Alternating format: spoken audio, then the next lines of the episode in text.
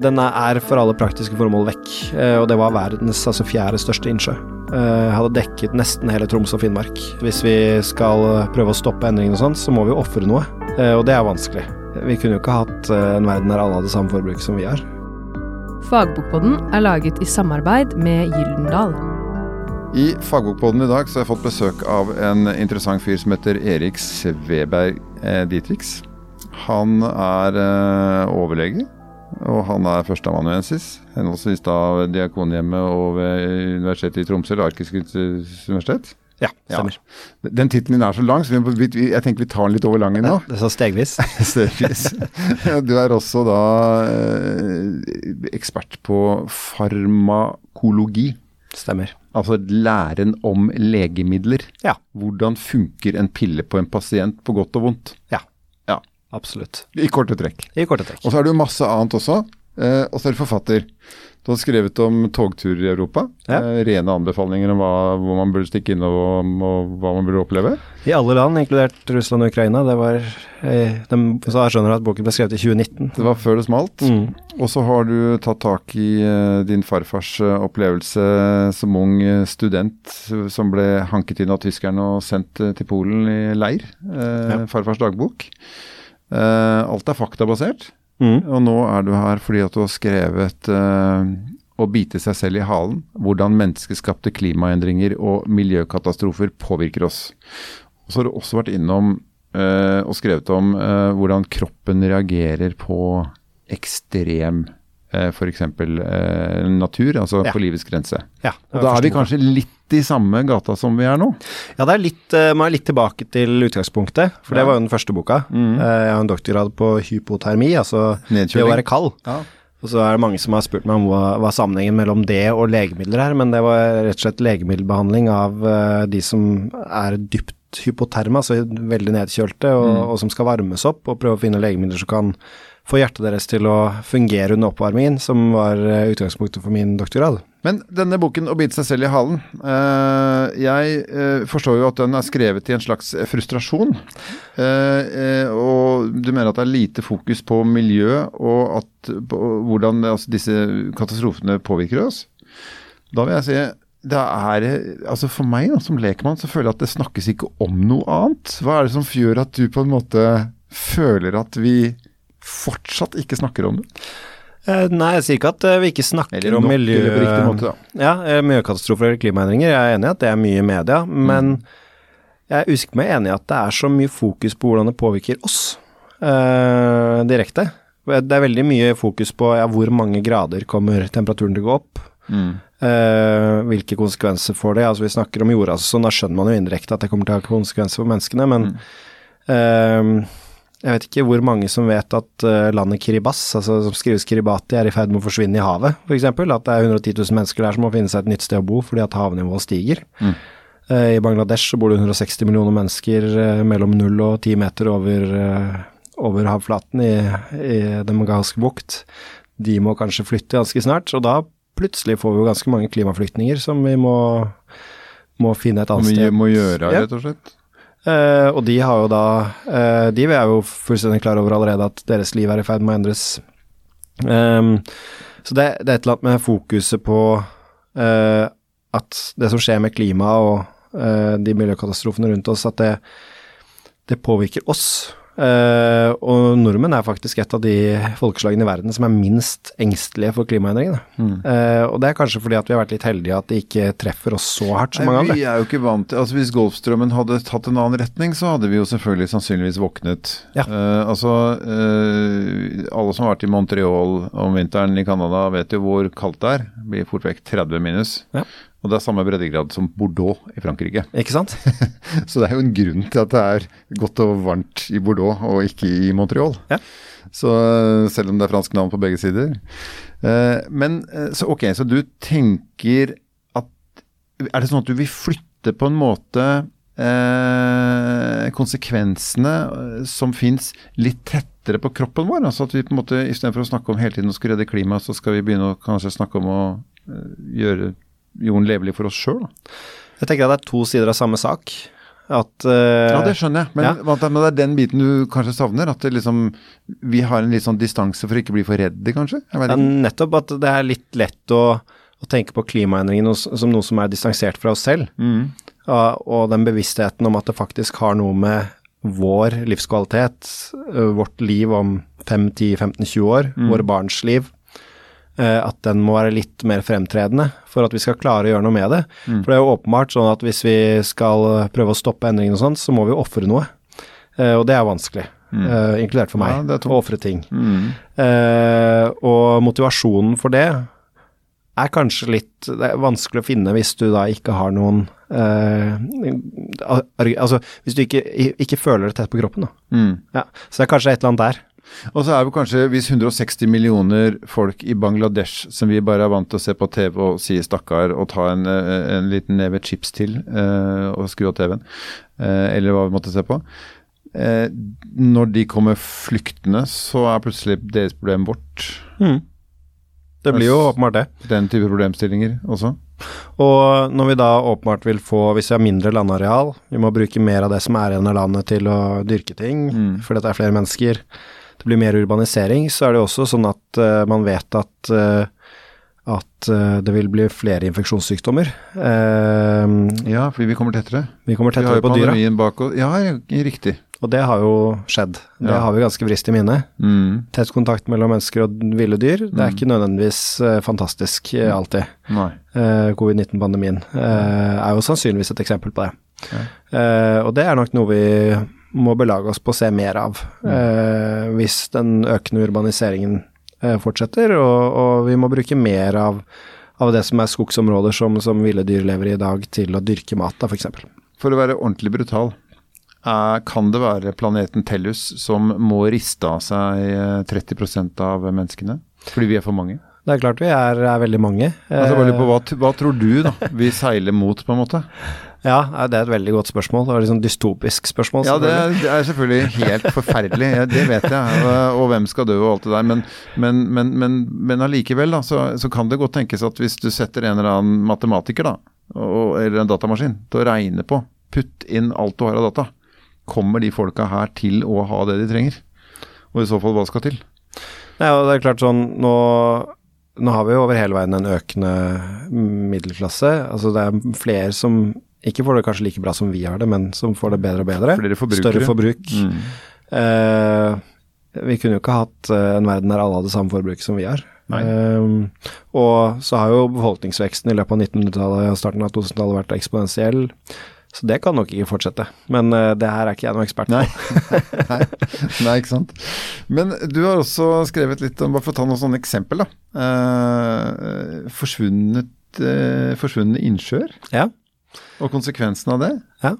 Man kan jo fort tenke at ja, ja, vannet ble borte, så kan vi bare dyrke og bruke det som jorde, liksom sikkert næringsrikt og fint havbunnen som ligger der. Ja, det kunne det vært hvis det var vann der, da. Ja. Men det er problemet. Helt tørt, så er det, ja. Du kan si at mange av de innsjøene som har forsvunnet eh, rundt om i verden, de er jo forsvunnet rett og slett fordi at vanntilførselen blir borte. Mm. Uh, og så er de Så tørker ut, rett og slett? De tørker ut. De er det vi kaller endoreiske, som er et fryktelig vanskelig ord, eh, som ingen kan, eh, men som jeg har lært meg etter at jeg begynte å skrive om det her. Eh, ja. Og det betyr rett og slett at de, de har ikke noe utløp til havet. Nei. De er på en måte havet selv, altså de er små hav som da Som damper av igjen? Damper av. Mm. Så at de har bare tilløp av vann, og så går vannet rett opp. og, og, når da tilløpet forsvinner, så er det et tidsspørsmål før de har dampet ferdig og er ja. evaporerte. Og noen gode eksempler på det har vi jo Tsjadsjøen i Afrika er et eksempel på det, som har blitt veldig redusert. Eh, kjempekatastrofe der, i Tsjad. Eh, og på grensen mellom mange av de landene i Sentral-Afrika. Men uh, Aralsjøen er nok et enda bedre eksempel, og som jeg kan mer om òg, som, som, er da i Sentral-Asia. På grensen mellom Altså det var i det gamle Sovjetunionen. Mm. På grensen mellom dagens Kasakhstan og Usbekistan. langt vest i Kasakhstan. Den er vekk? Den er vekk. Altså det er en altså, bitte liten del igjen. Okay. Men uh, den er for alle praktiske formål vekk. Uh, og det var verdens altså fjerde største innsjø. Uh, hadde dekket nesten hele Troms og Finnmark under overflaten. da. Og jeg husker jeg ikke prosenttallet, men en veldig stor andel av fisken som man tok opp og spiste i Sovjetunionen, kom derfra. Altså mm. vi snakker høye prosenttall. Sånn at mm. det var en stor matkilde. Mm. Sånn at de som bodde rundt sjøen, de var jo fiskere. Mens nå, nå heter det området ikke Aralsjøen lenger, det heter Aralkumørkenen. Ja. Så det er rett og slett det, er det som var en sjø, har blitt en ørken? Det har blitt en ørken. Og det er jo da en ørken som nå er full av salt og sand, eh, og klimaet har endret seg fordi at du da ikke har dette vannbassenget som styrer regulerer temperaturen lenger. Fjelltoppene rundt kan ikke skrubbe på noen skyer lenger og få mer nedbør og sånn? Nei, så det er, eh, det er, rett og slett et veldig tørt område, og du har fått et mye hardere klima, kaldere vintre, eh, sikkert også varmere somre, mm. mer vind som tar med seg dette støvet som ligger på den gamle havbunnen og blåser det rundt i området, sånn at du har veldig sånn støvskyer. da. Mm. Eh, og det er også fullt av miljøgifter, fordi at eh, grunnen til at denne sjøen har blitt borte, er jo fordi at alt vannet har blitt brukt til bomullsplanting ah. i Usbekistan.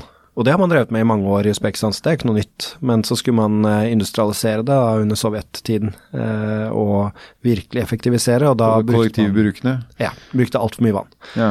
Sånn at, og det brukes fortsatt altfor mye vann. Så mm. at tilløpet gjennom de store elvene som gikk til Aralsjøen, er jo fra fjellene fortsatt det mm. samme, men det forsvinner ut i bomullsåkrene. Mm. Og damper ut der isteden? Ja, nettopp. Ja. Og kommer aldri frem til Aralsjøen. Men det, eh, jeg nevnte jo at det er litt igjen, og det er fordi at det demmet opp. Eh, Haraldsjøen eh, var én gigantisk stor sjø i sør, og så var det en liten sånn tarm opp til en liten sjø i nord som heter Nord-Haraldsjøen. Ja. Og så har de da bygget en demning på tvers av den tarmen, gamle tarmen, sånn at de har utløpet fra den ene av de to elvene som går inn i den gamle Haraldsjøen. Mm. Der er det fortsatt litt vann som kommer ut. Og fordi at det er demmet opp, så rekker ikke alt vannet å fordampe. Sånn at nå får du sakte vannstigning i nord nordre delen. Ja, okay. Der er fisken kommet tilbake, så det er jo en det er et håp om å kanskje klare å fylle den opp igjen, da? Ja, de har klart å fylle opp ganske mye av nordre del, så mm. der har folk sakte begynt å vende tilbake til det livet igjen. Men da peker du jo på en uh, menneskeskapt endring, Absolutt. men som også er reversibel. Ja. Altså Hvis man kutter ut den bomullsproduksjonen og lar det vannet fortsatt bli i fjellet, er jo ikke borte. Uh, så vil den fylle seg opp igjen.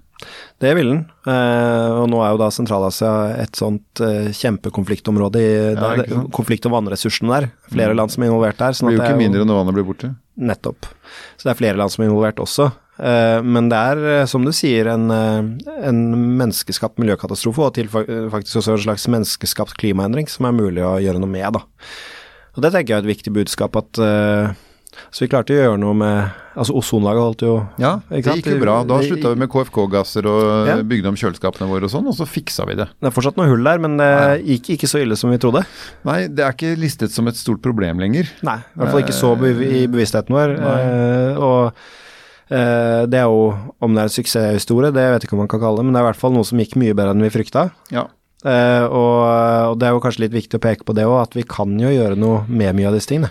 Ja, fordi at det er også et eksempel på et sted hvor den industrialiserte, rike delen av verden sto jo også for de produktene i mest mulig monn som var skadelige. Og det gjør vi jo sannsynligvis i ganske mange andre sammenhenger også. Mm. Uh, altså, ditt beste take på hva er det vi må holde opp med? Nei, altså vi må vel få ned forbruket av ganske mye forskjellige ting. Ja, Men det er ikke noe gøy. Nei, det er ikke gøy i det hele tatt. Og det Jeg, jeg syns heller ikke det er morsomt. Nei, det er, jo ikke det. Nei. Så eh, det er vel det korte svaret. Det er eh, Men så er det jo også da eh, Vi må finne bedre miljøvennlige energikilder, mm. selvfølgelig. Mm. Eh, og vi må sannsynligvis få ned forbruket, eh, blant annet. Så mm. det er ja, det er nok mange som har mye bedre peiling på hva slags løsninger på ja. disse problemene vi, vi må finne. Jeg, jeg tenkte men, mer på områdene, hvor ja, på en måte må uh, bøte alt. Men du sier forbruk og energi. Så det, det er uh, i min uh, Ja, det er mitt lite vitenskapelige take på det, i og med at jeg kan lite om det. Men mm. jeg tror nok at jeg er inne på noe, da. Ja, du er i hvert fall ikke alene om å si det. Nei, det er bra. Men du sier uh, Tittelen på boken er 'Å bite seg selv i halen'. Ja. Hvorfor uh, valgte du den tittelen? Det ligger jo også i uh, akkurat det her med at vi har forårsaket uh, mye av disse endringene selv. Mm. og at det ofte kanskje er noe vi tenker på som at noe vi påfører kloden eller miljøet, men at det ikke påvirker oss. Men mm.